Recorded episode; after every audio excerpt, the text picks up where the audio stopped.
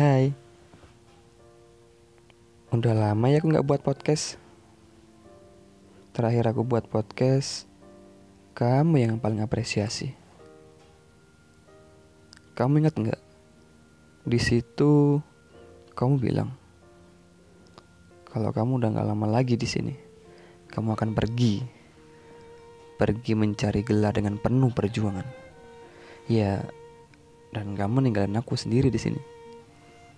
Dan setelah itu, kamu benar-benar hilang.